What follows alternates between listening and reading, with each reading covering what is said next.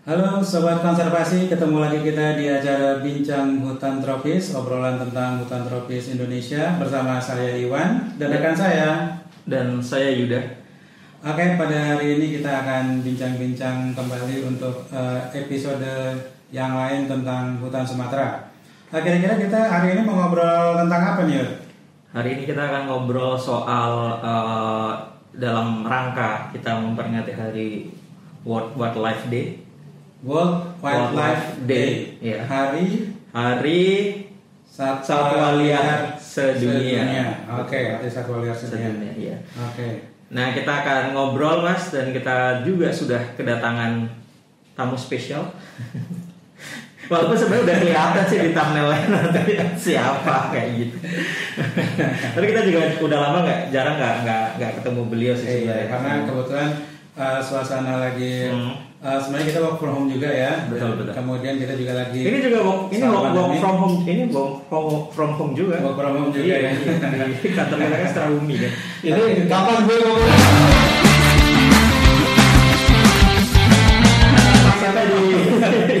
Kita akan segera kenalkan Salen dan. Pak Samedi. Pak Samedi. Halo, selamat jumpa. Salam sejahtera untuk kita semuanya, teman-teman, sahabat-sahabat konservasi. Apa kabar? Baik, Baik, baik, baik, baik. Pak? Alhamdulillah. Alhamdulillah. Ya Pak tadi soal ngomong soal apa soal kita lagi apa pandemi work from home. Kebetulan saya nggak pakai masker Pak, Bapak pakai masker, tidak pakai masker, tapi kita sudah memastikan bahwa segala protokol kesehatan kita ikutin. Kita Iya. sebelum ke sini kita udah pada cuci tangan, kita juga agak Wudhu juga, wudhu ya? Wudhu juga? Ah, bukan najis ya kayaknya. ya tapi ya Saya sudah dites. Ya, sudah. Saya juga sudah dites, sih. Oke, jadi kita uh, tetap menjaga protokol kesehatan supaya bicara juga kita nyaman ya. Oke oke. Oke, Eh, kita akan ngomongin soal uh, what what uh, wildlife day tadi mas. Ya. Dan tema Pak Sam tema pada tahun tahun ini adalah uh, soal forest and livelihoods for sustaining people and planet. Jadi uh, menurut saya temanya cukup menarik sih Pak tahun ini Pak karena uh, kita dituntut untuk melihat permasalahan Itu, wildlife itu tadi wildlife itu satwa liar atau hidupan liar? satwa liar kan? Satwa liar atau hidupan? Satwa liar. kayaknya hidupan liar sih sebenarnya. Bisa juga hidupan liar sih. ini yang kayak gini sering rancu ya Pak ya. Iya iya iya. Atau kita bicara aja hidupan liar ya? Kehidupan yang liar. Itu gimana nih Pak? Kehidupan liar itu gimana? Itu wildlife ya, bukan wild, bukan wildlife ya. Bukan. Wildlife. Nanti ada Eh, ahli itu beda sih mas. Nah, saya- itu- susahnya itu. Soalnya kalian masih belum punya. Iya iya iya. Maksudnya gimana ya? Oke. Nah sebenarnya menarik Pak karena temanya itu tidak hanya melihat dari point of, view dari satwa atau manajemen satwanya, tapi kita dituntut untuk bisa melihat dari bagaimana peran dari hutan itu untuk eh, tidak hanya untuk satwa tapi juga ada added value yang dapat mendorong human well-being dan juga kearifan menjaga kearifan lokal kayak gitu dan secara menyeluruh nanti kita bisa melihatnya secara gambaran secara biosfer. Aha. Tapi mungkin kalau Helikopter view. karena waktu kita rada Hmm. terbatas, kita tidak akan bicara seluruhnya tentang kehidupan liar, Pak. Mungkin kita Hmm. akan fokus kepada spesies spesies saja, Pak. Satwa terutama, Pak ya. Spesies satwa ya. Hmm, Spesies satwa. Hmm, Oke oke. Nah Oke, untuk memantik sebenarnya mas sebenarnya kan sebenarnya kita akan selalu melihat eh, a- akan selalu sayang peduli care kayak gitu kalau misalkan sesuatu itu punya nilai manfaat buat kita biasanya kan kayak gitu kan Eh, agak pragmatis tapi nggak apa-apa kita kita harus melihat juga dari sisi manfaat nah pak kalau melihat eh, satwa liar sebenarnya pak sebenarnya eh, yang jadi pertanyaan orang adalah dengan kita tetap melindunginya misalkan apa sih manfaat yang bisa kita ambil Pak, dari eh, perlindungan atau menjaga eh, satwa liar ini tetap ada dan tidak punah apa Pak? selain untuk mungkin masa depan cucu itu kan sangat utopis tapi gimana itu manfaatnya bagi manusia sendiri atau nanti untuk human well-being manusia Ya kita sedikit eh, religius ya. Eh, ini ya. Ini bahwa- Bapak selama pandemi jadi apa sih Pak? belajar sufi ya ya bahwa Tuhan ini, Tuhan Tuhan kan menciptakan alam semesta ini dan segala isinya itu pasti tidak sia-sia. mulai dari makhluk yang paling kecil kalau kita bisa bilang virus itu juga makhluk gitu ya itu yang sangat kecil sampai ke yang paling besar misalnya yang sekarang ada itu kan uh, paus ya mungkin ya. Paus itu mungkin sekarang makhluk atau satwa yang paling besar yang ada di di bumi ini. Hmm. uh, yang ada di darat misalnya seperti gajah uh, badak itu satwa-satwa besar gitu, gitu itu dari yang besar sampai yang kecil itu saya kira itu pasti diciptakan dengan ada manfaatnya. Hmm. dan manusia saja yang mungkin belum tahu manfaatnya masing-masing itu sebagai apa. Tapi dari pelajaran yang sudah kita dapatkan itu kan ada yang namanya rantai makanan gitu ya. Rantai masing-masing uh, saling berhubungan di dalam uh, secara biotik atau secara makhluk hidup ini itu berhubungan satu dengan yang lain. Kemudian makhluk hidup ini berhubungan dengan dengan yang tidak hidup, alam yang tidak hidup itu sehingga membentuk satu ekosistem yang saling berhubungan satu sama lain. Kemudian jasa pronik tadi akan menjadi dekomposer dan sebenarnya yang kemudian merilis atau mengeluarkan uh, apa kayak nitrogen, karbon dan sebagainya gitu. Itu semua saling berhubungan sehingga uh, saya yakin bahwa apa pun di alam ini yang diciptakan oleh Yang Maha Kuasa itu ada manfaatnya. Itu dari sisi religius dan juga mungkin pasti sudah dibuktikan uh, secara saintifik gitu. Hmm, hmm, hmm. Misalkan kalau hari kalau kita ngeliat misalkan contohnya pak ini kita bicara contoh. Harimau misalkan kira-kira bagaimana manfaat dia untuk uh, ekosistem yang ada di sekitarnya ya harimau itu itu kan top predator tadi ya kita bilang top predator. Itu uh, di dalam ekosistem dia berfungsi sebagai pengendali dari uh, herbivore gitu ya. Herbivore itu ya contohnya uh, atau browser kayak badak, uh, rusa, babi itu uh, mereka pemakan tumbuhan gitu. Ya, kalau di alam ini uh, kapasitas habitatnya itu terbatas itu itu herbivore itu bisa melimpah gitu ya. Nah oleh sebab itu harimau itu sebagai salah satunya ya. Fungsinya itu pengendali mereka gitu. Memakan memakan uh, herbivore tadi itu sebagai pengendalian. Kalau tidak mungkin bisa jadi hama juga gitu ya. Kayak di beberapa tempat ya. Monyet-monyet itu udah menjadi udah turun ke kampung-kampung sebagai hama. Babi juga sebagai hama gitu ini boleh dilepas saja nggak ya? Boleh boleh pak. Kita kan berjauhan nih ada sekitar 10 meter kayaknya. Uh, soalnya jauhan. Bolak balik melorot aja. ini aman ya uh, sobat tunjangan dan servis. Hidungnya terlalu kecil sih pesek jadi melorot aja nih. Oke. Okay. Okay. Kira-kira gitu. Dia uh, fungsinya sebagai pengendali, ya bisa juga sebagai pengendali hama lah kalau di di sini. Kalau gitu ada pertanyaan gini Pak, kan perlindungan satwa itu ada yang di habitat liarnya dan juga ada yang di di di man-made environment kayak di taman safari, kayak di kebun binatang dan segala macam.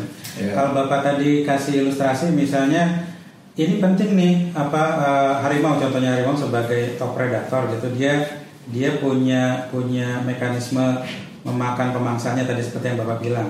Nah, kalau kita misalnya nih melakukan tindakan-tindakan perlindungan terhadap harimau, apakah ini artinya tidak merusak keseimbangan gitu pak? Uh, Apakah kita harus biarin begitu aja atau gimana tuh? Karena kita mungkin juga punya alternatif lain sudah memelihara mereka di taman safari atau kebun binatang. Iya, itu uh, kegiatan atau aktivitas konservasi yang terbaik adalah di alam liarnya, hmm. ya, in situ gitu. Tapi dalam beberapa uh, hal karena tadi tadi ya uh, harimau sudah mulai langka, kemudian badak sudah mulai langka gitu. Salah satu alternatifnya adalah bagaimana kita membantu uh, mereka untuk kita kembangbiakan secara dengan bantuan manusia di salah satunya kebun binatang.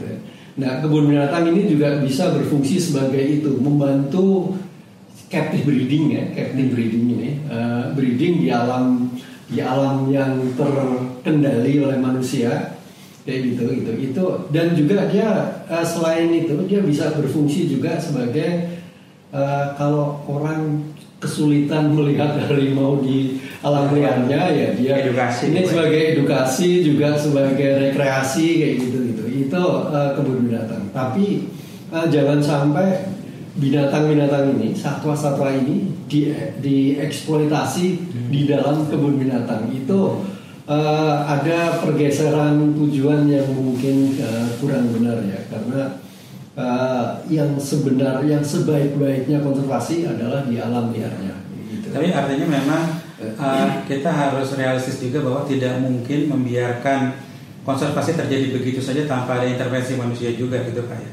dalam kondisi yang sekarang iya ya karena sekarang kondisi alam itu sudah tidak seimbang top top predator seperti harimau itu itu kondisi populasinya sudah sangat rendah gitu ya.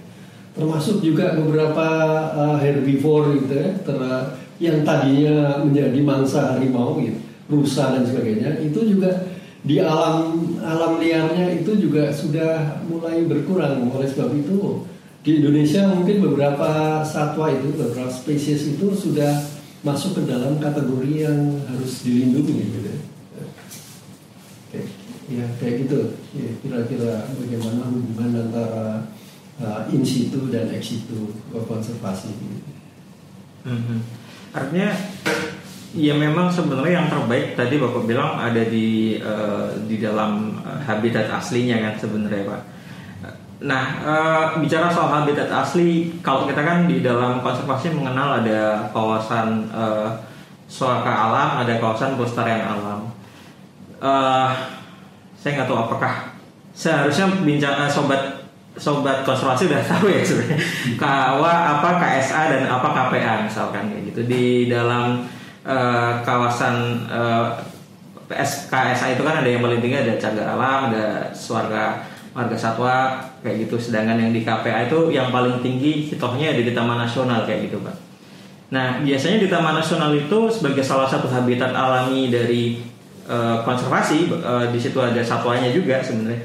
Kita selalu mengenal ada namanya satwa kunci, ada satwa flagship spesies, bahkan di TFC Sumatera juga kita selalu mengenal empat eh, satwa karismatik kayak gitu sebenarnya. Nah, itu apa sih Pak sebenarnya pengertiannya dan kenapa kita Ya. menamai itu menjadi seperti itu ya udah kenapa nggak semuanya namanya spesies atau satwa liar ya kayak gitu Ya, eh, sedikit tadi ke intronya tadi kan ada kawasan, ada KPA, KSA gitu. Sebenarnya ini kan eh, undang-undangnya bicara begitu ya. KPA itu kawasan pelestarian alam, KSA kawasan suaka alam. Ini, ini sebenarnya dilihat kalau kita undang-undang yang yang ada sekarang ini untuk konservasi ini kan undang-undang nomor 5 tahun 90 tentang konservasi sumber daya alam eh, hayati dan ekosistemnya.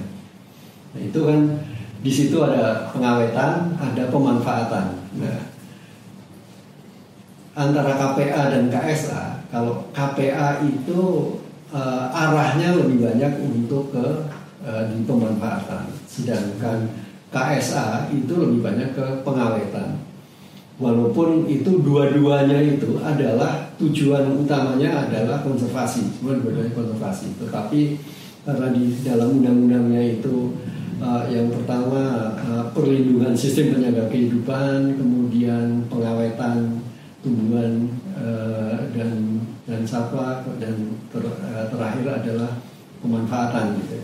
Nah ini di dalam KPA itu pemanfaatannya lebih lebih tegas gitu ya dibanding dengan di KSA. KSA itu hampir eh, 100% atau 90 sekian persen itu memang untuk proteksi gitu ya, untuk ya, pengawetan gitu. Itu eh, kira-kira ya secara garis besar bedanya di situ itu undang-undang gitu.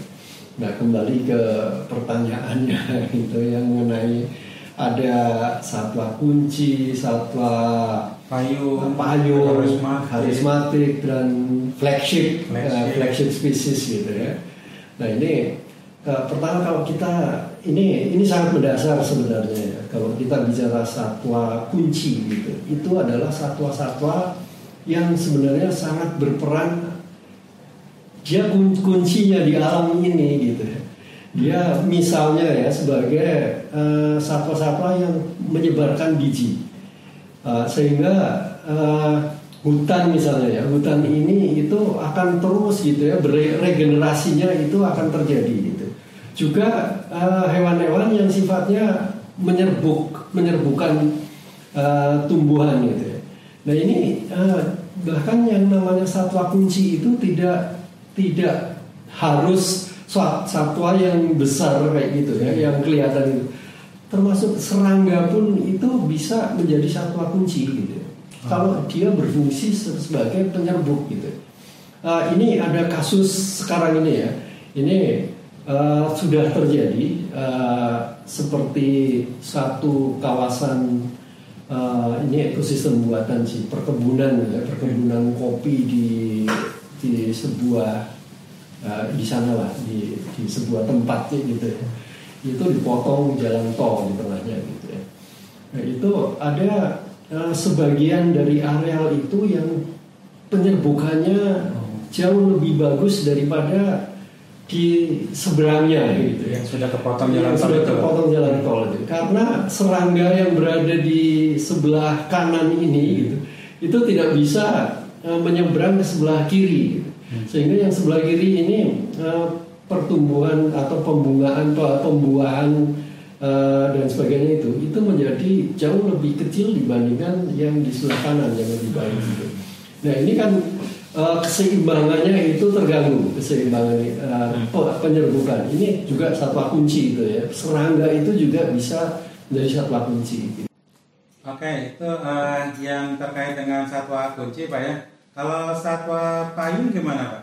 Pengertiannya Pak? nah ini lagi satwa payung itu ya umbrella species Hmm. itu uh, sering di di apa disampaikan oleh teman-teman kita konservasionis itu ya dalam, dalam dunia konservasi satwa payung itu satwa yang kalau kita melindungi satwa itu itu banyak satwa lain yang juga akan terlindungi gitu ya Eh, ya contohnya kalau kita bicara badak gajah harimau gitu ya. kalau kita melindungi satwa-satwa itu itu itu eh, banyak satwa karena kalau kita melindungi satu satwa satu spesies satwa gitu ya, kita tidak hanya melindungi satwa itu sendiri tapi juga dengan habitatnya kan gitu ya. sehingga kalau kita sudah mampu untuk melindungi spesies satwa itu itu spesies lain itu pasti akan juga terlindungi itu yang dimaksud dengan satwa Payung. payung gitu. Jadi kalau tadi satwa kunci dilihat dari perannya, satwa payung dilihat dari kalau dia dilindungi dia juga akan melindungi satwa yang lain. Ah ya betul betul gitu. Kalau satwa karismatik itu gimana Pak? Karismatik ini memang eh, dari eh, bentuknya kali ya orang melihat bahwa ini sangat berkarisma. Kalau kita biasanya ini spesies-spesies yang eh, dari sisi bentuk itu misalnya besar, badannya besar, kemudian dia sangat apa cantik menawan nih gitu ya. Kayak harimau itu kan bentuknya itu cantik masih sehingga itu karismatik gitu. Mungkin kalau burung itu kan burung-burung cendrawasih gitu mungkin kita bisa katakan itu satwa yang berkarisma gitu. Eh, ini hanya dari mungkin apa secara secara apa eh, pikiran orang secara kita Persepsi kita ya. ya persepsi dan juga mungkin eh, ada rasa-rasa yang kalau misalnya kita membunuh satu satwa i- satu spesimen aja kita satwa kita bunuh harimau gitu orang ada perasaan yang widih eh, kasihan amat ya gitu. kayaknya ini apa kayak tragedi keru- kerugian yang besar gitu ya. tragedi banget gitu ya hanya membunuh satu eh, gajah yang misalnya diracun sampai sampai mati gitu itu itu nah itu nah karismatik itu dari sisi emosional orang itu akan tergugah kalau dia uh, sampai kenapa kenapa itu gitu. itu uh, karismatik saya gitu. Kalau dari dari segi perlindungannya Pak antara yang satwa kunci payung dan karismatik semuanya di diatur oleh undang-undang nggak nggak Pak Per- per- ada perbedaan nggak perlindungan terhadap Iya. kategorisasi satwa ini Pak? Eh, sayangnya undang-undang tidak mengatur di level itu gitu ya. Tapi di level eh, sejauh mana dia eh, pos di posisi konservasinya. Jadi spesies-spesies yang sudah misalnya sudah endangered gitu ya, terancam punah, eh, itu yang yang dilindungi gitu ya. Jadi eh, undang-undang itu melindungi dari sisi status konservasinya, bukan dari uh, status uh, peran dia di alam dan sebagainya itu bukan bukan seperti itu gitu. Ini uh, ke depan mestinya undang-undang harus melihat kayak gitu karena sekarang uh, kondisi alam ini sudah mulai sudah mulai apa uh, mungkin tidak mulai memang sudah sudah tidak seimbang gitu. Tidak seimbang. Satu lagi mungkin uh, tadi yang disebut apa uh, flagship Hmm, flagship, flagship, ya. flagship species itu ya gitu. Nah ini eh, istilah flagship flagship itu kan kapal yang berbendera gitu ya. Hmm, hmm. Jadi kalau kita kita sering dengar ya ada eh, kapal berbendera Panama ditangkap Oh, iya. angkatan laut jadi gitu ya. Artinya sebetulnya flagship flagship itu adalah eh, kalau kita bicara kapal yang punya bendera itu undang-undang atau apa pun semua yang ada di dalam kapal itu adalah negara itu gitu ya. Negara yang di bendera itu ya. Misalnya kapal berbendera Panama, itu semua aturan dan sebagainya itu adalah aturan Panama di dalam kapal itu gitu. Makanya kalau kita bicara ada uh, kapal berbendera Panama, yaitu negara Panama. Nah, sekarang hubungannya dengan flagship species itu apa gitu? Ya itu kalau kita bicara harimau Sumatera gitu, itu pasti kita uh, lo ini log- logika kita bisa oh Indonesia gitu. Atau kalau kita bicara orang hutan gitu, uh, oh Indonesia, komodo gitu, Indonesia gitu. Nah itu flagship gitu. Terkait dengan satwa endemik maksudnya gitu. Eh, tidak harus endemik tapi juga eh, satwa itu memang eh, sangat berasosiasi dengan negara Oh. negara itu gitu. Kita bicara beruang merah kan Hmm. pasti Rusia, beruang merah pasti Rusia kayak gitu. Eh, Panda mungkin. panda Cina gitu. Eh, kanguru Hmm, eh, Australia. Gitu. Ya, kayak gitu gitu. Itu flagship. flagship. Kalau di Indonesia terkenal apa Pak itu yang flagshipnya? yang paling terkenal ya mungkin ya, karena karena endemik itu itu misalnya kayak komodo gitu kalau kita bicara komodo itu pasti kita uh, asosiasi kita pasti sudah Indonesia gitu. Kalau- Tapi bukannya setiap taman nasional dia punya flagship spesies juga ya Pak? Eh, Di, di Indonesia ya, misalkan di mungkin itu agak agak rancu ya kalau kita bicara di Taman Nasional ada flagship ya. Tapi kalau karena flagship itu bicaranya nasional, nasionalis, Negara. nasionalisme negara, negara kalau kalau kita bicara misalnya di Taman, Taman Nasional Wekambas itu ada terdapat beberapa flagship species. Hmm. Itu kita mengasosiasikan mungkin di, karena di Wekambas itu ada harimau, ada badak, ada gajah yang kalau kita bicara ke spesies-spesies itu itu kita mengasosiasikan kepada Indonesia sebagai negara yang punya uh, spesies itu sekarang ya Um, gajah Sumatera mungkin sekarang tinggal ada di Indonesia harimau Sumatera juga tinggal ada di Indonesia badak Sumatera hanya ada di Indonesia sehingga kalau kita bicara bicara spesies itu ya kita pasti asosiasinya ke Indonesia gitu. Oh. itu uh, kira-kira mungkin dan bisa jadi satu spesies itu juga bisa menjadi dia punya apa embedded nama uh, embedded itu ya fungsi-fungsi tadi kayak uh, misalkan satu Betul. harimau itu bisa jadi spesies payung di dalam kawasan itu Iya. bisa menjadi Iya. flagship bisa menjadi spesies kunci gitu. Itu Betul. Ya? irisan gitu ya. betul. Bisa jadi itu ya, Iya, Pak, ya? iya dia punya peran yang yang segitu. Dan juga dia karismatik. Hmm, ya ya keempat mata itu ada kalau kita bicara harimau misalnya gitu. Atau orangutan. Hmm, betul betul betul betul betul. Oke. Jadi kalau kalau gitu em, tadi bapak sebutkan kan mungkin eh, ini belum terlalu diakomodir oleh peraturan atau undang-undang gitu mengenai bagaimana cara melindungi eh, spesies ini mungkin saja sudah ada yang masuk dalam daftar endangered, ada yang belum kan gitu pak ya. Iya. Nah sekarang yang kita pakai acuan untuk melindungi undang untuk melindungi satwa ini kan undang-undang 590 pak. Betul. Nah, jadi sekarang relevansinya Undang-Undang 590 dengan pelindungan spesies di saat yang sekarang tuh kira-kira masih kepake atau kira-kira Bapak gimana? Nah, ini ini eh, sangat krusial sekarang ini ya Undang-Undang 590 memang eh, dari dulu eh, saya sudah eh, melihat dari eh, tahun ya akhir 90-an lah ya, akhir dekade 90-an gitu. Itu bahwa Undang-Undang 590 ini sebenarnya ada kelemahan kalau kita melihat eh, terhadap perlindungan spesies. gitu. Kenapa? Yang pertama karena eh, Undang-Undang 590 itu hanya membagi eh, spesies ke dalam dua kategori, gitu ya. Satu dilindungi dan dua tidak dilindungi. Kalau satwa itu dilindungi, spesies itu dilindungi, itu eh, bagus eh, dari sisi kategori karena ancaman hukumannya terhadap uh, larangan-larangan itu jelas. Jadi dia ancam penjara lima tahun dan juga denda 200 juta rupiah gitu ya. Terhadap siapa pun atau barang siapa di dunia gitu. Barang siapa yang mulai dari menangkap, mengambil, memelihara, memperdagangkan, membunuh itu itu bisa kena ancaman hukuman itu gitu. Itu untuk yang dilindungi. Terus kalau yang nggak dilindungi itu sama sekali nggak ada gitu.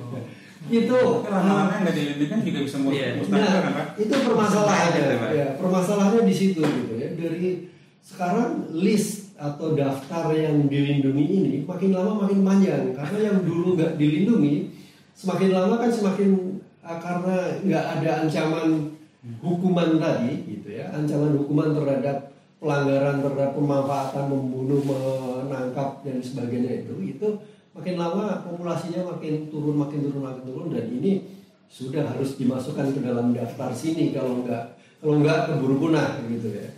Nah ini ini permasalahan di undang-undang itu gitu. Hanya membagi dua gitu. Pernah ada contoh nggak, Pak? Misalkan dulu eh, hewan atau spesies ini tuh tahun misalnya 90 atau 2000-an itu masih dalam di alam liarnya masih sangat sangat banyak ya gitu. Iya. Terus kemudian sekarang masuk ke dalam list eh, permen ya Pak. Kalau di sekarang kan listnya List masuk ke dilindungi lah dalam ada dalam PP peraturan PP pemerintah nomor ya, nomor. 7 ya skala yang nomor 7 dan bisa diperbarui lagi dengan uh, peraturan menteri harusnya gitu ya.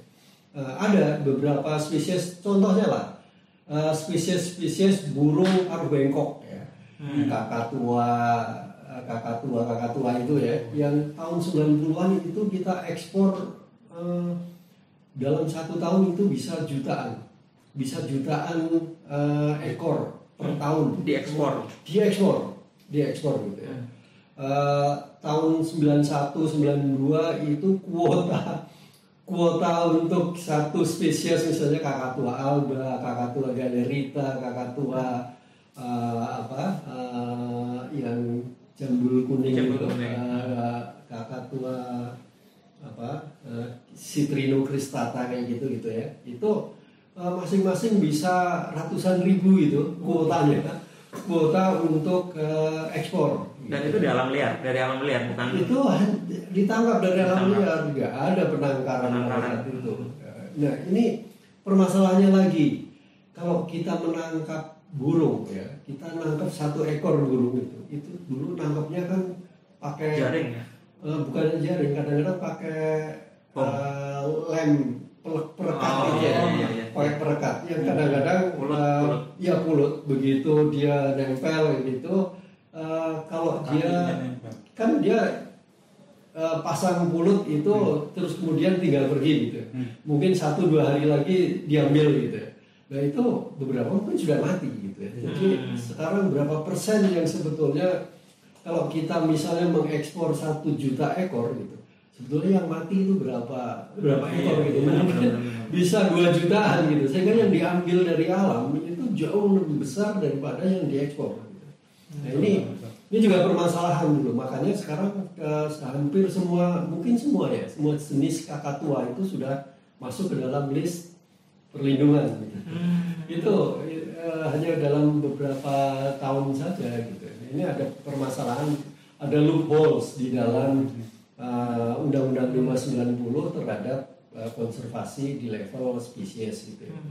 Terus ada lagi gitu permasalahan lagi gitu ya. Kayak kita kan anggota di internasional ya, anggota konvensi mengenai perdagangan satwa liar yang kita kenal dengan nama CITES atau orang kita bilang CITES. CITES. CITES sama CITOS. CITES itu ya. Eh, nah, ada eh, klausul di dalam CITES itu di mana setiap negara itu harus punya legislasi nasional yang bisa melarang atau eh, menghukum terhadap pelanggaran-pelanggaran ketentuan di CITES ini. Gitu. Hmm. Nah, permasalahannya undang-undang kita itu hanya eh, mengatur spesies-spesies yang ada di kita saja. Gitu. Padahal yang diatur oleh CITES itu adalah eh, spesies seluruh dunia. gitu. Nah, ini juga menjadi masalah gitu.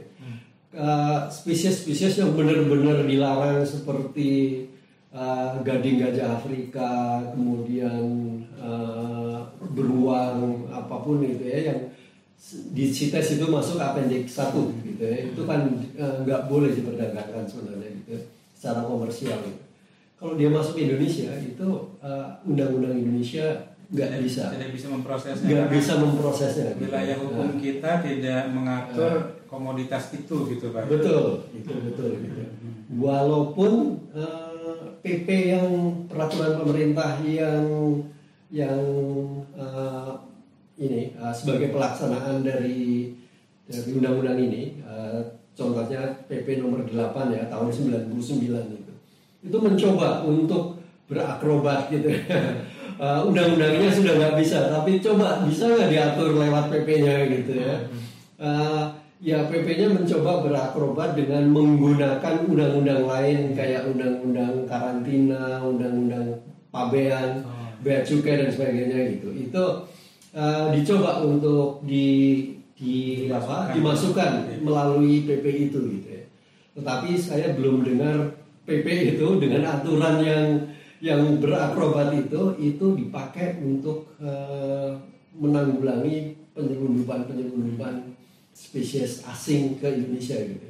Kita lihat sekarang di pasaran itu banyak Iya, benar. banyak spesies-spesies dari luar yang masuk ke dalam appendix CITES itu yang dijual di Dan dan kita kan nggak bisa ngapa-ngapain juga kan, Pak. Sebenarnya belum ada yang nggak bisa nggak nggak bisa dengan undang-undang karena kita ki- kalau kita mau menyita dan sebagainya misalnya gitu ya eh, dasarnya. dasarnya apa gitu Eh, Jadi kalau misalnya kita di pasar burung atau pasar hewan satwa ngelihat ada gading gajah Afrika misalnya walaupun itu sebenarnya sangat eh, langka gitu kan. Atau badak cula eh, cula badak kayak ini dari Afrika misalnya. Berarti kita juga nggak ya ya sudah apa mau dikata kita nggak bisa ngapain gitu. undang-undang kita nggak bisa menghukum orang itu. Mungkin dengan kalau kita kita mampu membuktikan dengan undang-undang bea cukai bahwa dia menyelundupkan mungkin dia bisa kena eh, undang-undang pabean itu penyelundupan dari situ Maksudnya ya. penyelundupan, iya, iya. Tapi undang-undang dengan undang-undang 590 sendiri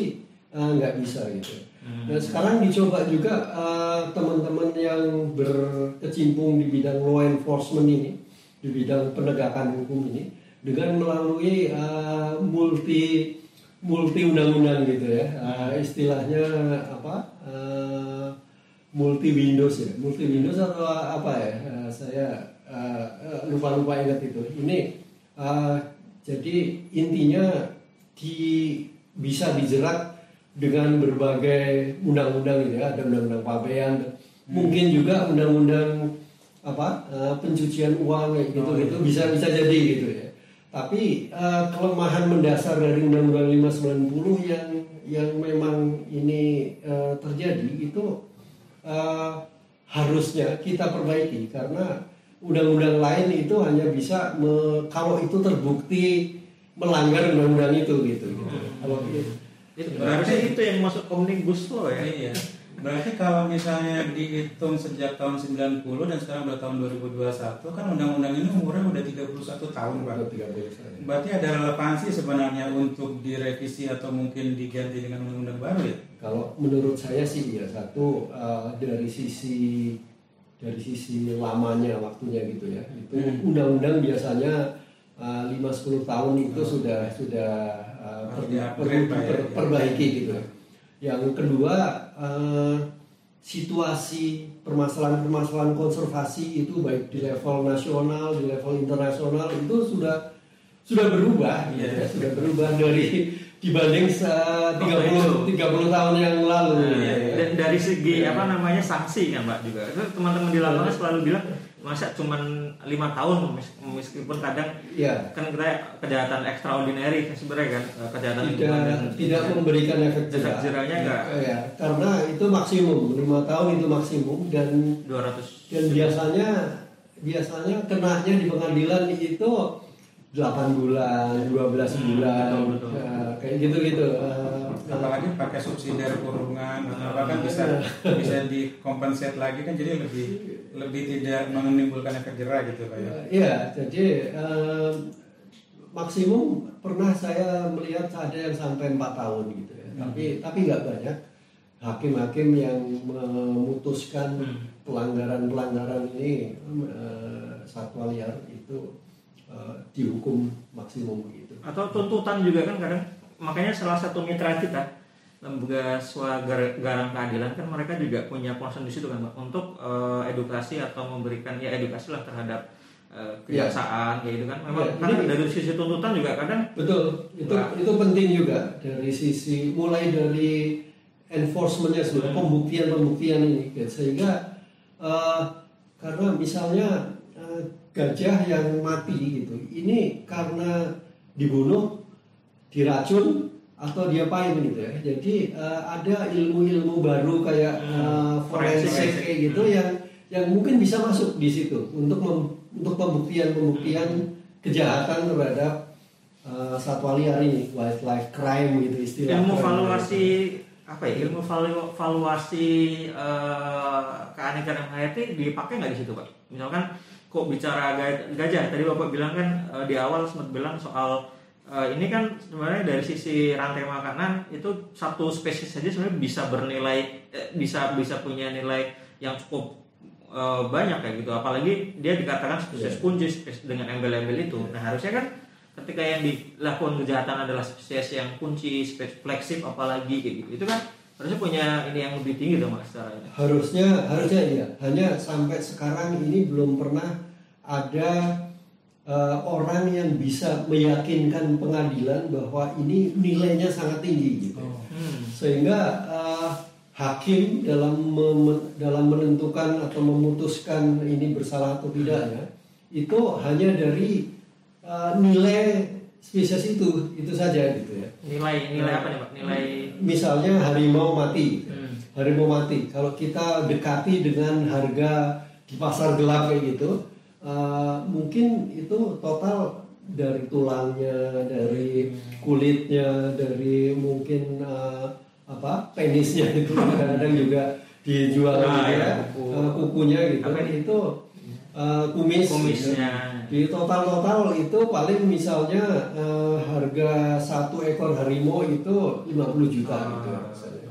Itu dari pasar doang modal ya. Pasar gelap itu Valuasinya kan nggak dihitung sebenarnya dengan nilai nilai dia di alam liar nggak nyampe berapa ratus. Nah, itu yang belum sampai ke sana gitu. Makanya gitu ya. betul, makanya seperti tadi eh, apa yang diusahakan oleh teman-teman di lapangan untuk memberikan eh, Edukasi. apa, edukasi terhadap mulai dari eh, petugas-petugas di lapangan, law enforcement itu sampai eh, penuntutan di level kejaksaan juga sampai di pengadilan ini ini memberikan gambaran bahwa satu harimau mati Ya, ini ya. rentetannya itu bisa panjang kayak gitu. referensi ya pak ya dikasih referensi kayaknya nih Nih kalau lu bunuh harimau sekian, lu kalau mau bunuh eh, apa gajah sekian, kayak gitu dia tinggal lihat list. Oh oke, totalnya berapa m kayak gitu. Ya, Iya, ini tapi- itu baru dari sisi satwa yang karismatik kan. Kita belum melihat satu satwa-satwa yang kayak tadi serangga tadi gitu. Kita Betul. Dan bahkan pengetahuan kita tentang satwa-satwa itu sebenarnya juga masih relatif terbatas pak ya belum belum banyak misalnya kita tahu persis mengenai uh, tadi uh, fungsi dan manfaat keberadaan satwa itu sendiri selain dari nilai value dari uh, tubuh si satwa itu gitu. Jadi Iya, banyak hal iya. yang kita belum tahu gitu. Nah tapi kalau nggak salah kan kalau ini terkait dengan undang-undang artinya yang undang-undang 590 itu kan sebenarnya sudah sempat masuk prolegnas pak kalau nggak salah. Iya, Betul. Ah, kenapa misalnya kalau ada yang nanya gitu? Ya kalau misalnya para pakar sudah sudah mengetahui dan ini urgent mendesak apalagi mungkin spesies ini kan sebenarnya apa? Apa namanya itu? Competitive advantage atau pun ah, ada satu kelebihan yang hanya kita yang punya yang nggak punya dipunya orang lain. Jadi itu kan suatu kekayaan kita gitu kenapa undang-undang ini tidak di apa dilanjutkan untuk diperbaharui atau Ya, dikeluarkan? itu- Enggak, pertanyaan gini mas, Ti- 30 tahun tadi kan, tapi itu kegasan-gasan dengan undang-undang itu. Baru muncul langsung jadi eh, eh, masuk prolegnas dan langsung dibahas kayak gitu kan, Iya. yang cuman cepet banget bahasa cuma semalam gitu. Mungkin itu yang jadi tugas kita gitu. Bagaimana kita memberikan eh, apa? pembela- bukan pembelajaran, eh, penjelasan-penjelasan di baik di DPR, di pemerintah itu untuk me- mendesak bahwa ini undang-undang ini sebenarnya sangat penting gitu ya, untuk dilakukan. Kalau tidak, ini permasalahan lingkungan loh gitu ya. Permasalahan tidak hanya kita bukan hanya sekedar gajah mati, harimau mati itu saja, tapi kita berkaitan dengan uh, rentetan Lingkungan. uh, lingkungan yang yang sangat yang sangat panjang. gitu. 30 tahun loh pak. Dan itu mungkin yang disebut dengan kekayaan hayati kita ya. Jadi kekayaan kita bukan hanya kekayaan fisik tetapi mungkin fungsi-fungsi dan peran-peran yang dimainkan sehingga mampu menimbulkan eh, apa yang disebut dengan kekayaan hayati kita. Ya betul betul ya sehingga mungkin kita dari sini dari hari uh, hidupan liar internasional ini teman-teman bisa mendorong uh, parlemen juga pemerintah itu untuk oke lah mari kita sama-sama kita melihat ini satu uh, hal yang sangat penting untuk uh, masa depan anak cucu kita ke depan. Itu kalau dari tadi kan bapak sempat bilang eh, bagaimana kemudian eh, CITES ini juga sebenarnya kadang bisa menjadi apa namanya eh, modus operandi juga kan sebenarnya di, di, di kita dipakai juga untuk tadi celah-celah kayak gitu. Berarti ini juga sebenarnya kalau dibalik apa yang terjadi bapak cerita soal kakak tua tadi eh, berbagai spesies di ekspor kayak gitu. Ini juga berarti kaitannya sama CITES sebenarnya pak. Di kita punya spesies yang cukup berlimpah tadi kakak tua terus kemudian kita ekspor kayak gitu karena diperbolehkan kan sebenarnya diperbolehkan Iya, iya. untuk untuk diperjualbelikan karena di kita masih banyak kayak gitu nah Iya. ini sebenarnya juga menjadi rentetan dong pak Eh, CITES ini juga masih menjadi dalam tanda kutip problem problematika juga kan sebenarnya Eh, ya pasti eh, bahwa perdagangan perdagangan satwa liar ini itu bukan hanya permasalahan nasional, Hmm. tapi ini juga sudah permasalahan internasional. Jadi eh, kalau kita bicara bahasa kerennya ini transnational crime. Jadi eh, krimin eh, apa namanya kejahatan-kejahatan yang sudah lintas batas, lintas batas. Oleh sebab itu, eh, CITES sendiri itu sebetulnya menjadi alat yang sangat powerful di sini. Kalau setiap negara itu punya undang-undang yang bagus di masing-masing negaranya gitu ya, Hmm. Eh, setara gitu. Kalau kita meningkatkan eh, level perlindungan terhadap spesies gitu, tapi negara lain tidak gitu. Ini juga percuma juga gitu. Oleh sebab itu, CITES ini kan perjanjian antar negara bahwa eh, ada satu klausul di dalam CITES itu bahwa setiap negara harus bisa bisa eh, apa eh, melarang, bisa menghukum, bisa menyita semua spesies-spesies yang melanggar aturan-aturan CITES ini gitu. Hmm. Itu harus di level nasional masing-masing gitu. Hmm, balik balik lagi ke Eh, iya. hukum Betul. nasional Ini eh, perjanjian internasional, tapi itu harus di cover oleh undang-undang atau aturan-aturan yang sifatnya masing di masing-masing negara itu di level nasional itu harus bagus gitu. Karena saya pernah baca juga sebenarnya problematikanya adalah si, si tes itu kan dia eh, karena sunnah ya sebenarnya dia nggak wajib. Ketika sang, sanksinya juga yang diberikan juga akhirnya nggak efektif. Karena kalau kita memberi sanksi UN memberi sanksi pada sebuah negara. Hmm. ketika negara itu nggak nggak berkenan dia bisa saja keluar dari si tes. Karena kan dia nggak sebenarnya bukan kewajiban. Ini apa istilahnya? Ya voluntary base voluntary base kan sebenarnya CITES ini. Sebenarnya CITES itu mandatory. Mandatory ya, bukan voluntary. Tapi gini yang namanya konvensi hmm. itu memang uh, akan dia pasti di dalam preambul konvensi itu itu adalah uh, didasarkan pada kedaulatan negara masing-masing gitu ya. Hmm. Oleh sebab itu uh, CITES ini itu sebagai aturan internasional itu tidak langsung bisa berlaku di setiap negara itu nggak bisa gitu okay. itu yang harus ditindaklanjuti oleh undang-undang masing-masing negara hmm. gitu. Itu makanya gitu uh, kalau misalnya ada undang-undang satu negara yang memang tidak bisa melaksanakan CITES ini CITES bisa melarang negara lain untuk berdagang dengan negara itu gitu itu bisa gitu kita dulu pernah pernah mendapat ancaman itu. Hmm. Oleh sebab itu kemudian kita uh, buru-buru membuat PP 8 PP 9 itu. Yang waktu itu kita berjanji kepada CITES kepada di di konferensi standing committee CITES itu kita berjanji oke okay, ini PP ini sudah cukup untuk uh, melindungi satwa kita dan satwa internasional ya, gitu ya. Uh, ya dengan berbagai macam akrobat itu gitu. Kita berjanji akan memperbaiki undang-undangnya karena ya gitu. Tapi itu tahun berapa itu Pak kita janji? Sembilan sembilan. Sembilan sembilan. Sembilan Ya, ya. Sekarang sudah berapa? Sepuluh. Dua puluh satu. Dua puluh tahun. Hampir dua puluh satu tahun gitu kita masih belum memperbaiki undang-undang kita juga gitu sehingga ya, ya kita tetap tetap kayak gitu gitu, gitu. ini ini permasalahan di, di di internasional kita sudah memang kita uh, uh, ya janji adalah janji gitu ya. harusnya kita kita kita berpati gitu ya. Ya karena ada di notulen mungkin bakal kita gitu lupa ya. Ya bisa jadi cuman ya itu kan orangnya juga berganti-ganti atau kesenggol ya? Hasil tulisannya bisa jadi. Iya, tapi juga kita jangan berharap mudah-mudahan orang-orang lupa ya. Tapi orang di kita aja sekarang masuk polres saja nggak dibahas-bahas kan iya iya nah, eh, pak kalau di CITES kan ada appendix sama satu dua tiga kayak gitu nah di di IUCN juga ada red red list kan sebenarnya itu sama nggak sih pak? Uh, tidak sama uh, eh, IUCN itu uh, memberikan dasar, ya, memberikan referensi hmm. bagi si tes. Gitu.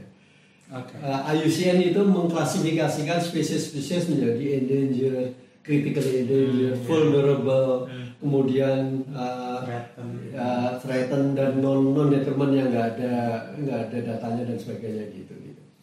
CITES mem, mem, menetapkan spesies-spesies menjadi appendix 1 itu dasarnya adalah dari IUCN yang endangered species, kemudian yang uh, apa uh, spesies-spesies yang sudah langka di suatu negara atau hanya terdapat di tempat-tempat tertentu saja gitu. Itu kemudian diacu oleh CITES itu. Sama juga di level nasional kita juga mengacu itu gitu. Mengacu yang mana? Uh, mengacu IUCN gitu ya. Kita uh, bahwa uh, bukan IUCN itu internasional.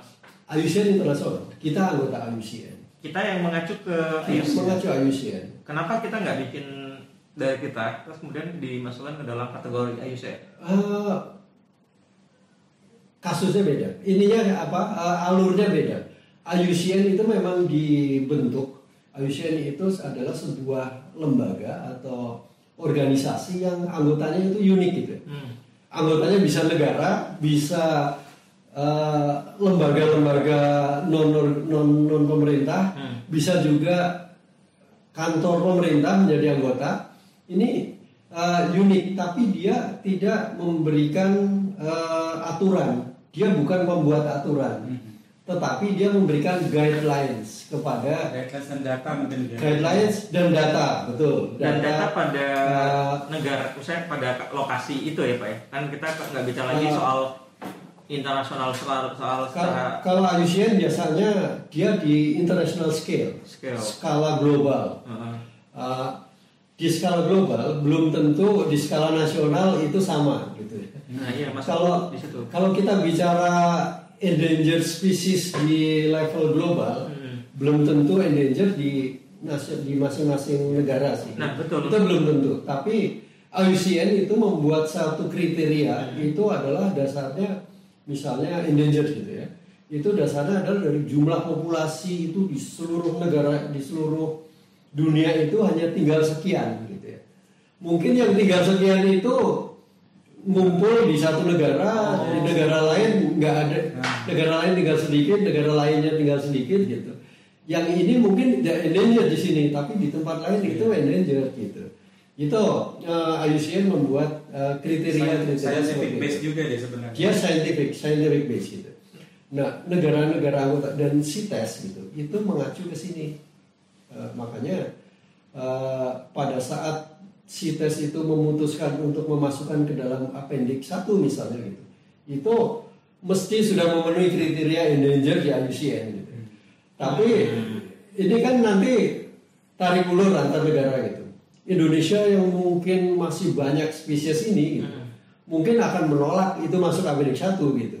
Negara lain mungkin akan mendukung gitu. Ya. Tapi nanti keputusan akan diambil eh, kalau ini didiskusi kayak gini itu nggak nggak ketemu. nggak nggak ketemu itu voting. Nah, Nah di dalam voting itu nanti siapa yang menang itu? Nah? Wah. Kalau yang menang itu masuk ke appendix 1 ya masuk. Ah. gitu. Kita semua negara mesti mengikuti gitu.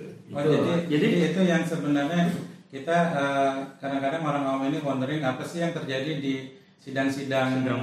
CITES, IUCN atau apa gitu ya yang eh, kenapa terjadi kita dengar terjadi perdebatan yang alot kenapa ini mau dimasukkan ke dalam eh, list yang terancam punah atau di luar list Hmm. gitu kan itu sebenarnya ada kepentingan negara juga di situ ya. Iya, iya. Hmm. Tapi kalau kita, tadi kan eh, kalau kita bicara IUCN itu memang purely scientific. gitu kan. Hmm. Jadi memang orang-orang scientific ngumpul di sini biasanya tidak tidak ada voting di situ karena Ah, ini memang IUCN ya. IUCN memang tidak ada voting. Hmm.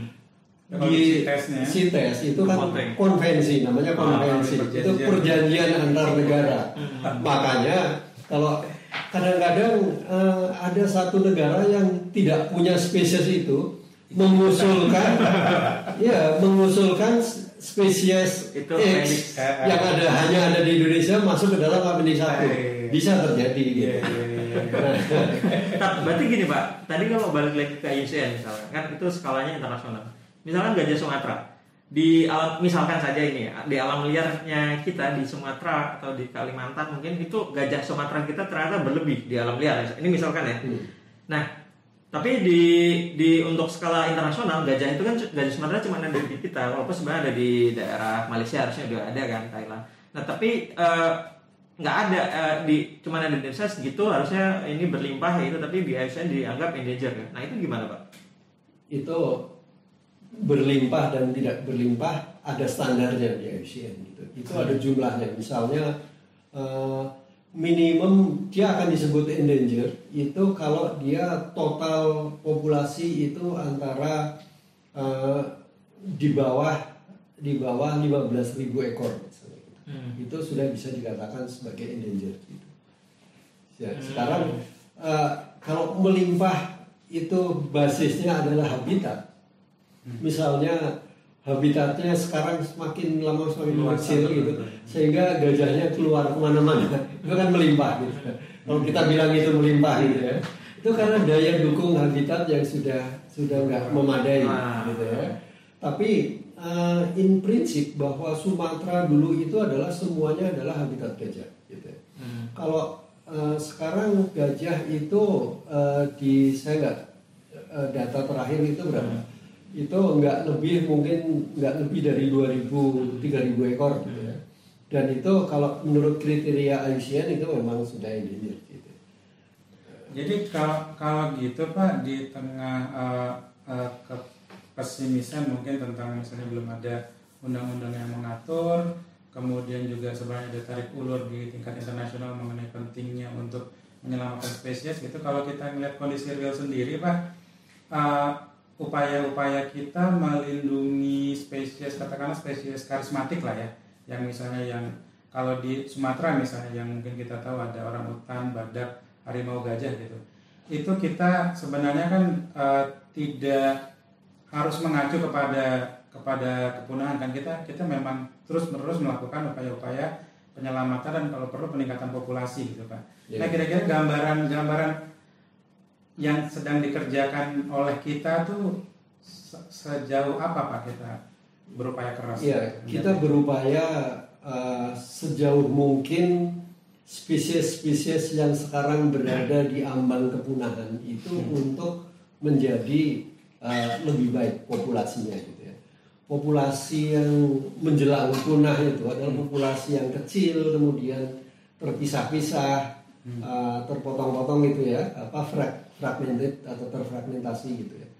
Ya, uh, contoh seperti badak ya gitu ya. Badak ini uh, dari sisi uh, intrinsik badaknya itu sendiri hmm. itu memang sangat uh, dari sisi apa namanya uh, kelahiran dan sebagainya ini sangat kecil. Uh, kemudian ditambah habitatnya yang yang kecil juga gitu ya. Sehingga uh, badak kelihatannya perlu bantuan untuk uh, dia berkembang biak secara alami dengan bantuan manusia. Gitu.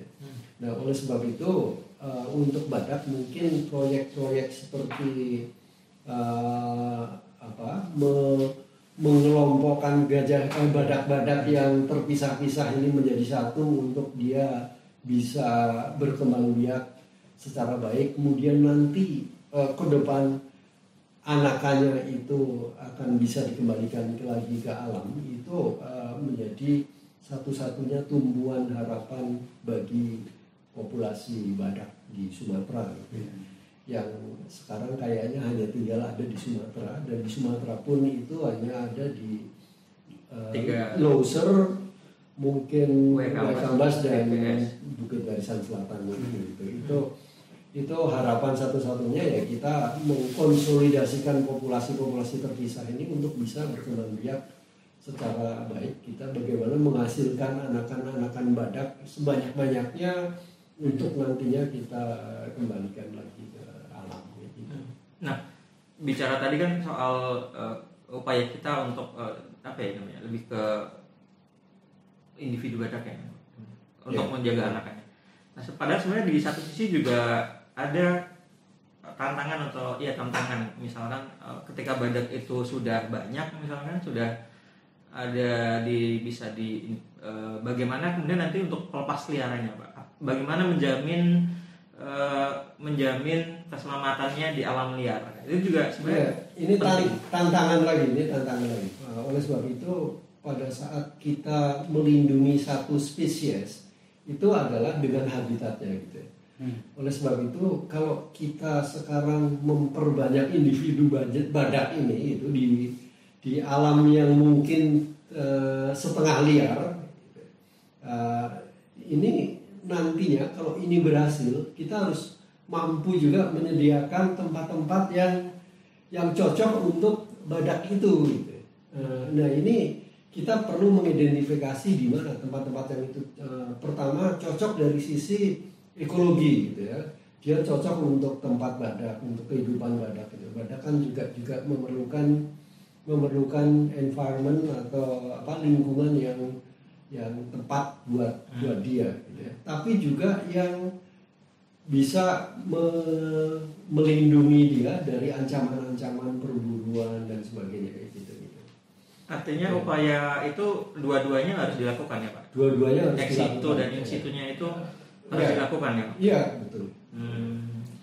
dan tentunya upaya upaya-upaya itu kan juga berlaku untuk yang tadi yang satwa satwa besar tadi ya seperti gajah juga seperti itu kan kita juga ada upaya-upaya seperti itu dan Iya, iya. eh, harimau dan juga orang hutan kan memang ada problem-problem apa yang scatter tapi kita coba eh, balikan ke dalam satu lokasi. Iya. Nah kalau kalau kalau yang kalau yang tidak di belum dilindungi pak kayak misalnya kayak pangolin kayak burung kayak mungkin monyet kayak apa gitu Pangolin sebenarnya dilindungi, sudah dilindungi. Dia, dia sudah dilindungi, tapi mungkin ini kalau kita bicara karismatik atau tidak gitu ya, Hmm. pangolin atau terenggiling ya, terenggiling ya. itu mungkin tidak karismatik gitu ya, karena karena mungkin masih dari dari sisi populasi mungkin uh, jauh lebih banyak. daripada badak atau gajah gitu dan bentuknya mungkin kecil gitu dan bersisik pula gitu, gitu. Hmm. sehingga ini memang banyak diperdagangkan gitu.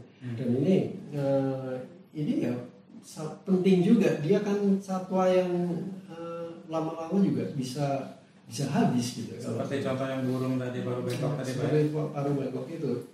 Dia sudah dilindungi sekarang di pangolin situ gitu. Hmm. karena memang memang khas gitu ya. dia dia khas cuman cuman ya itu tadi. Mungkin Nggak- orang nggak- nggak kar- karismatik gitu Nggak ya karismatik. Jadi orang kalau ada ada orang membunuh satu terenggiling orang ah, biasa gitu Sebenarnya sebenarnya juga sama aja. Nah, apa ini konteksnya ke TFC ya sebenarnya? Kita bicara sedikit soal TFC ya Sumatera lah sebenarnya sedikit. Apakah karena karena karismanya itu kemudian kita akhirnya mendanai ya, ada empat kalau kita kan fokus empat spesies ada orang hutan, ada harimau Sumatera, ada gajah Sumatera dan badak Sumatera. Apakah karena hanya pada eh, unsur karismanya itu pak sebenarnya pak? Ya dia tadi empat spesies ini selain karismatik kan juga dia flagship. Dan juga dia payung uh, payung juga. Dan juga mungkin kayak badak orangutan itu itu kan juga dia uh, apa kunci gitu ya. Uh, merupakan penyebar penyebar gizi gitu untuk untuk untuk ini orangutan gitu. Badak itu dari potongan-potongan itu dia akan uh, membuat uh, tumbuhan ini terubus lagi kayak gitu. Itu di alam dia punya punya uh, apa? Punya peran yang yang yang baik untuk kelangsungan ekosistem ini gitu. Sehingga uh, empat sifat itu gitu. Kalau kita bisa bi- bilang itu sifat itu. Itu ada di di spesies-spesies itu. Oleh sebab itu kar- karena eh, ya karismatik itu memang memang sangat sangat sangat mendominasi mungkin ya. Karena kalau itu hilang misalnya badak hilang gitu ya. itu semua orang mungkin seluruh dunia akan sedih gitu. Nah, sekarang Malaysia itu sudah sudah nggak nggak punya badak Sumatera lagi gitu ya. Seluruh dunia itu sedih dengan itu gitu. Ya. Ja- jangan sampai di Indonesia juga uh, hilang juga gitu ya kalau kita ulang mungkin uh, ya susah kita Uh, Hmm. kita nggak akan punya sekali hilang itu nggak akan bisa kembali lagi Irreversible lah, Pak, ya. Nah, eh, empat bicara soal bagaimana upaya TFCA untuk melakukan konservasi empat KI. Bapak tadi sudah menyebutkan eh, salah eh, dengan badak ya gitu.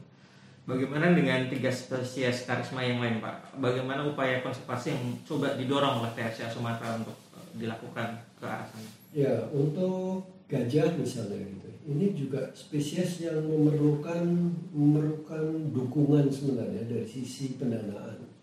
Karena selama ini eh, sangat kecil atau jarang sekali donor yang yang mendanai kegiatan-kegiatan konservasi gajah di Sumatera, gajah Sumatera. gitu. Eh, oleh sebab itu TFC Sumatera itu berusaha untuk mengalokasikan sejumlah dana walaupun mungkin tidak tidak mencukupi untuk untuk konservasi gajah Sumatera ini karena eh, ini menjadi sangat penting. Gajah ini eh, kondisinya ini sudah sangat sangat urgent untuk ada penanganan-penanganan yang khusus gitu ya karena konflik antara gajah dan manusia itu sudah sering terjadi Eh, pembunuhan terhadap gajah karena diracun dan sebagainya eh, itu sering terjadi dan dan ini ini menjadi menjadi permasalahan tersendiri yang kita mesti segera gitu ya, segera melakukan penanganan terhadap terhadap uh, spesies ini gitu ya. itu uh, gajah.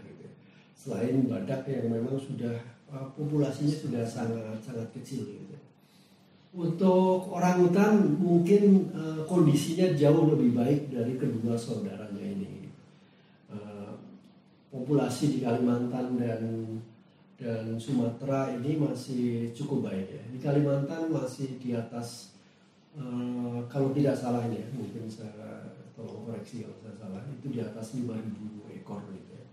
Di Sumatera juga uh, uh, masih masih di angka ribuan lah gitu ya, masih ya, masih lebih baik dari dua saudaranya yang gajah dan badak gitu ya.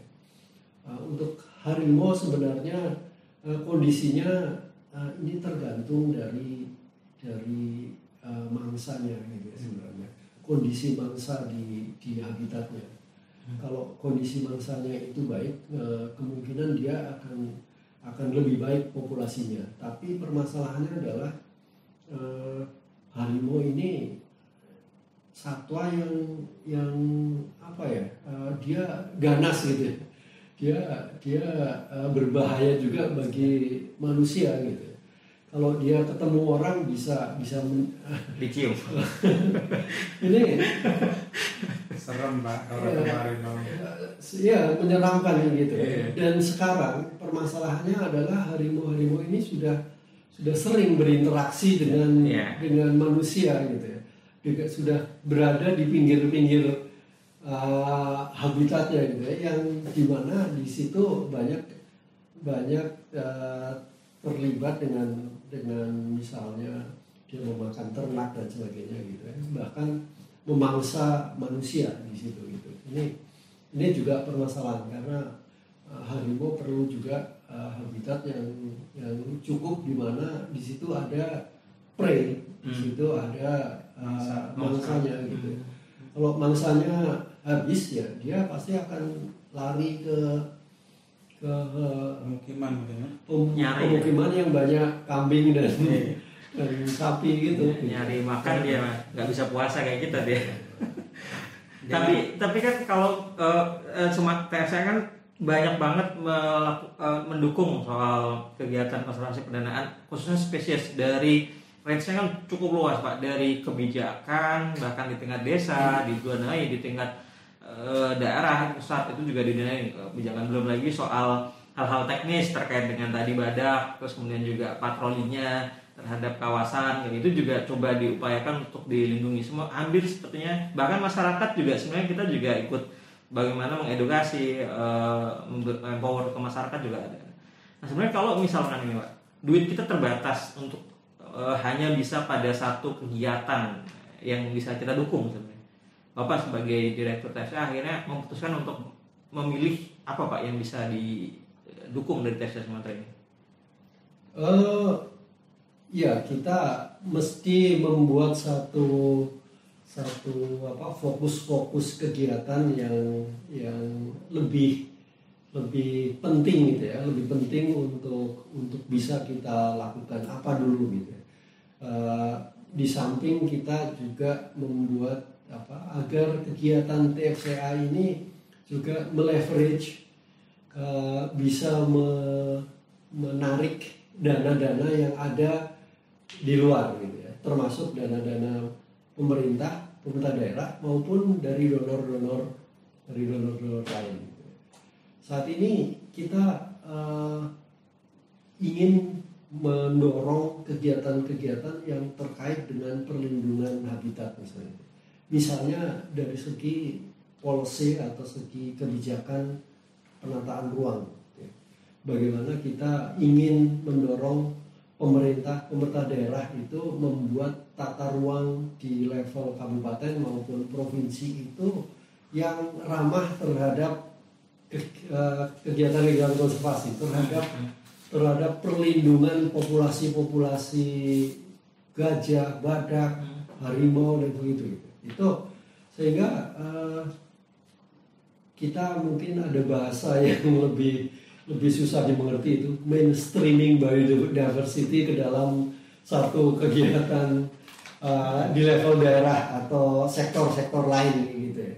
Jadi bagaimana konservasi keanekaragaman hayati ini juga diacu oleh uh, pemerintah daerah dalam membuat rencana-rencana di level daerah.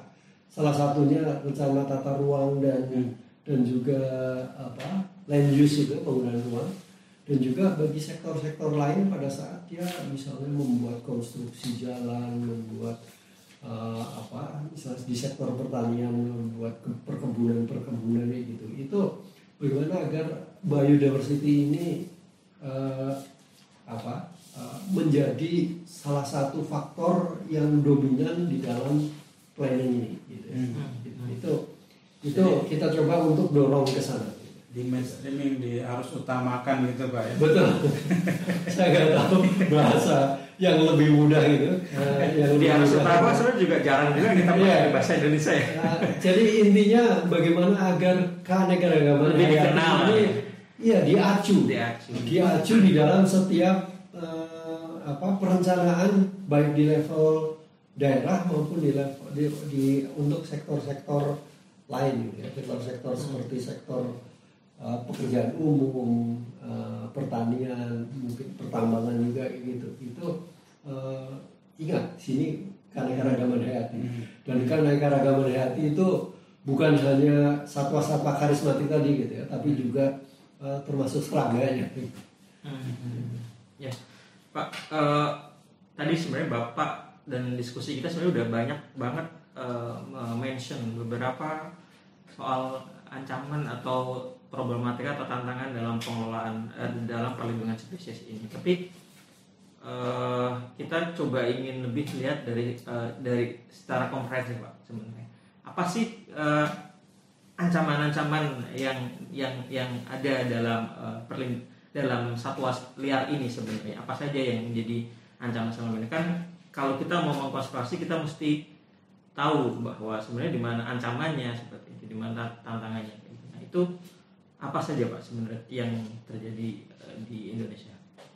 Ya ini kita kembali lagi kalau kita ini yang kita adopt sebetulnya di dalam uh, level-level intervensi di TFCS Sumatera ya gitu. Ya.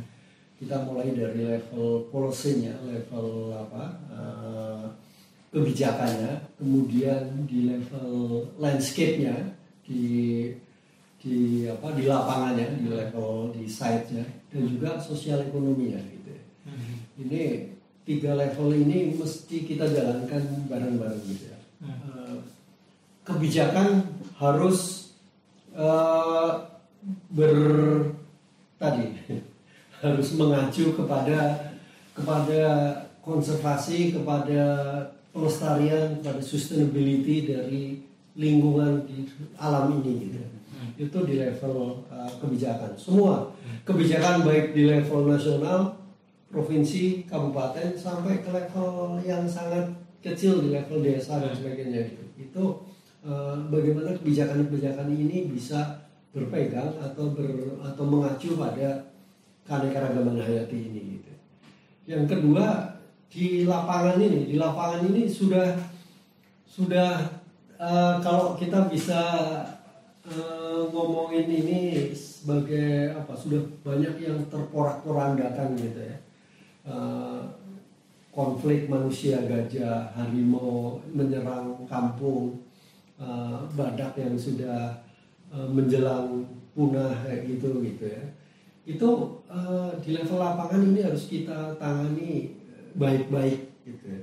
harus kita tangani baik-baik gitu Eh, tadi Yuda menyampaikan kita melakukan perlindungan kawasan kita eh, mem- memperbaiki manajemen atau apa namanya eh, pengelolaan hutan ini dengan sebaik-baiknya yang yang eh, apa berpegang pada pelestarian eh, satwa dan sebagainya gitu. Dan juga yang tidak kalah pentingnya adalah di level sosial ekonomi masyarakat gitu. ya.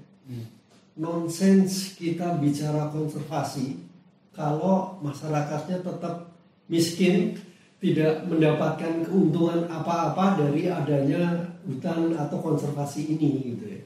Makanya kita mesti memperbaiki sosial ekonomi masyarakat untuk dia berdampak kembali kepada konservasi ini gitu. Itu yang yang sebenarnya saat ini eh, TFCA Sumatera dengan pendanaan yang relatif terbatas itu kita akan eh, memperbaiki di di tiga level kebijak di le- tiga level uh, intervensi ini gitu ya. Uh, sambil jalan kita meleverage pendanaan dari uh, tempat-tempat lain. gitu.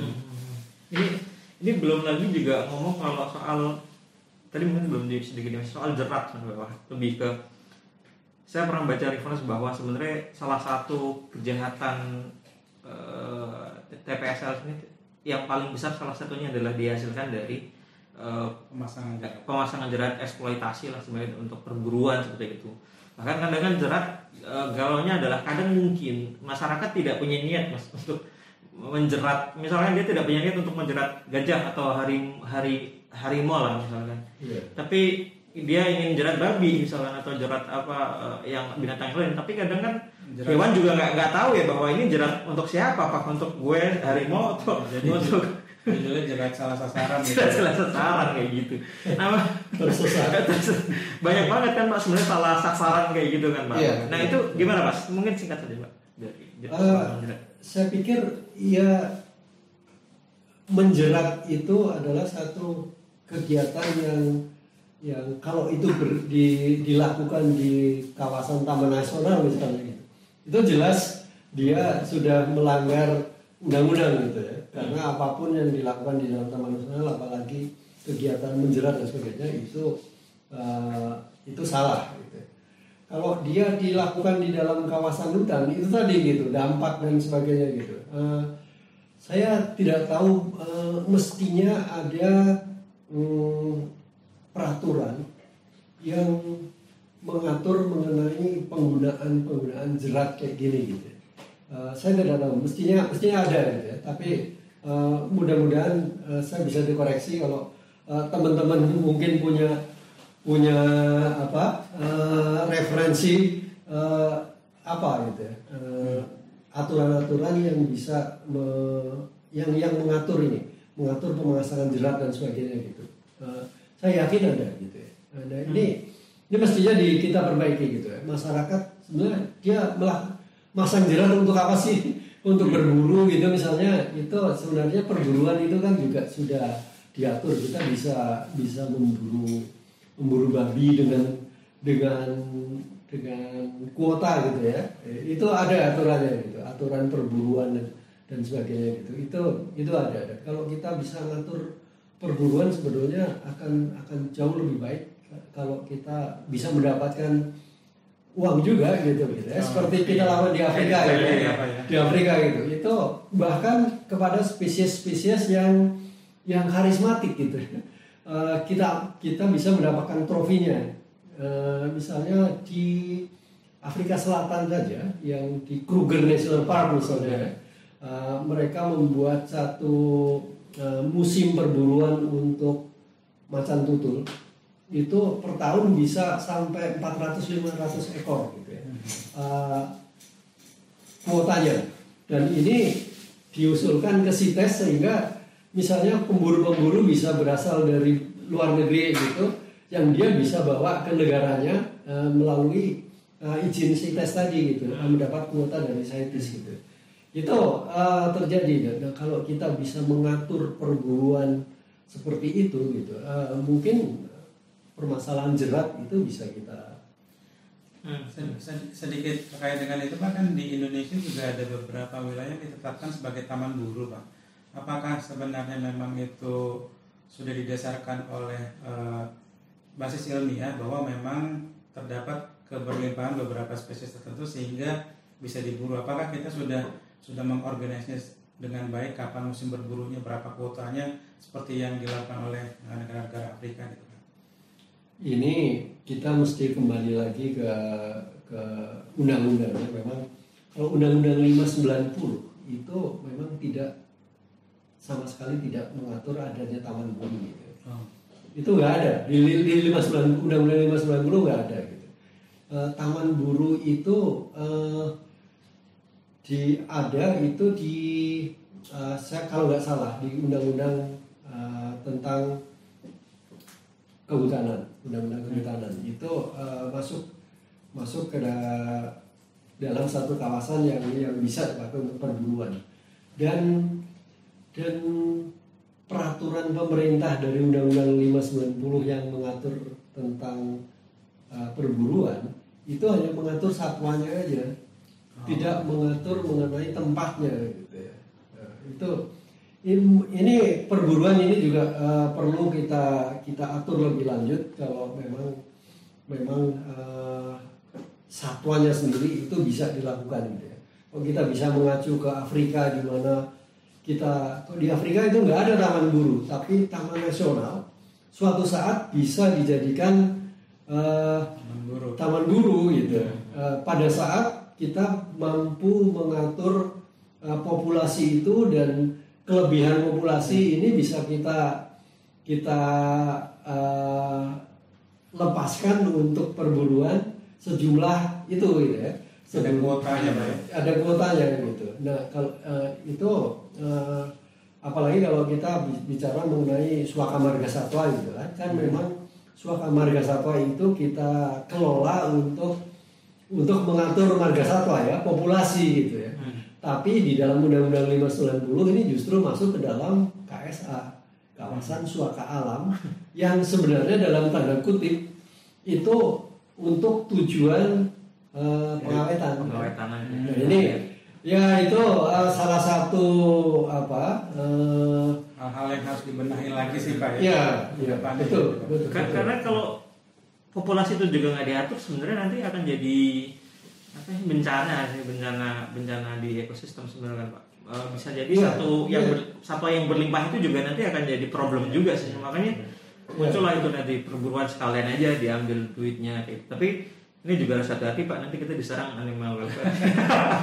Bencana Oke, jadi, jadi sebenarnya kesimpulannya adalah em, kita dan satwa itu sebenarnya kita hidup di satu planet yang sama bahwa mereka berhak hidup kita juga berhak hidup dan untuk tadi bapak bilang supaya kita bisa hidup secara sustainable berkelanjutan kita harus hidup harmoni dengan mereka gitu kita harus bisa Iya. hidup secara koeksisten dengan mereka mereka punya Betul. hak Iya. kita juga manusia juga punya hak Dan yang penting kita jaga keseimbangan gitu, Hmm. keseimbangan ekologis tadi. Karena kayak eh, yang Yuda sampaikan itu ada satwa-satwa yang populasinya berlimpah itu harus di harus seimbang juga di- Iya, karena harus seimbang, gitu. keperlimpahan itu juga bukan berarti sesuatu yang baik juga pak bisa jadi nggak Iya. baik juga ya gitu Betul, betul. Tapi kita juga perlu mempertimbangkan berapa jumlah populasi secara keseluruhan itu agar Sustainability, ya, sustainability, sustainability, itu bisa dilihat dari uh, viability itu.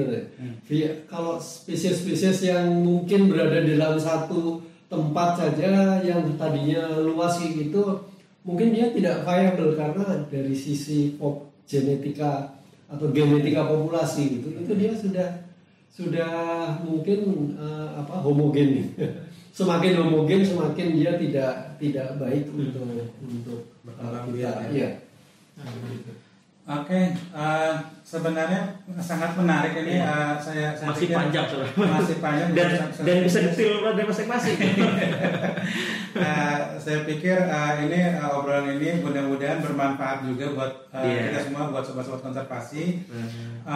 Sekali dan dan harapannya ini juga jadi pemantik sih mas. Nanti nanti kita akan bicara lagi yang lebih detail misalkan. Oh iya. Soal hal-hal ancaman tadi dan kita belum bahas soal konflik Oh, iya. dan manusia dan, dan, dan jangan lupa juga kita mungkin juga uh, mohon dukungannya dari teman-teman atau berbagai pihak untuk mendukung adanya revisi Undang-Undang 590 nih. Betul, betul, karena ini betul, udah, betul. udah lama banget ya ya, ya. revisi ya ah. mudah-mudahan kita juga bisa mendukung lah Betul, ketika ada betul. upaya-upaya dan mudah-mudahan obrolan kita ini juga mencerahkan mengenai pentingnya perlindungan satwa bukan sekedar jangan sampai musnah tapi Hmm. juga ada uh, turunan-turunan yang terkait kenapa kita harus menjaga uh, populasi satwa liar di alam.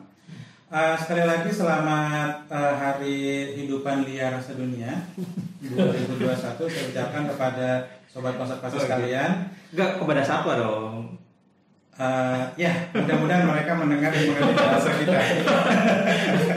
Harapannya ya. Ini bisa ditranslate. Seperti Nabi Sulaiman yang bisa mengerti bahasa satwa. Atau kalau Itu ada loh Pak. Skillnya perlu tuh Pak kita. Enggak teman kita kan ada yang bisa ngobrol dengan gajah Pak. Eh, bukan literally ngobrol ya, tapi Iya. ya secara simbologis pokoknya tahu gitu. Nanti mungkin kita bisa panggil Iya. dia Mas. Rasanya kita harus eh, banyak berterima kasih dengan atas eh, pencerahan Pak Sam pada Betul, obrolan betul. kita kali ini. Betul betul. Eh, jangan lupa untuk terus mengikuti obrolan kita, obrolan kita di Bincang Konservasi Hutan Tropis. Eh, jangan lupa juga untuk eh, ikuti perkembangan kegiatan TFC Sumatera di IG, IG Instagram TFC Sumatera di @TFC Sumatera. Eh, akhir kata eh, saya Iwan dan rekan saya Yuda, Bung Iwan. yang eh, mengawal obrolan ini mengucapkan terima kasih atas atensi teman-teman. Hmm. Uh, mudah-mudahan kita akan bertemu lagi dan membahas lebih lanjut lagi tentang hutan tropis dan juga tentang sampah Indonesia. Terima kasih Pak Sam. salam konservasi.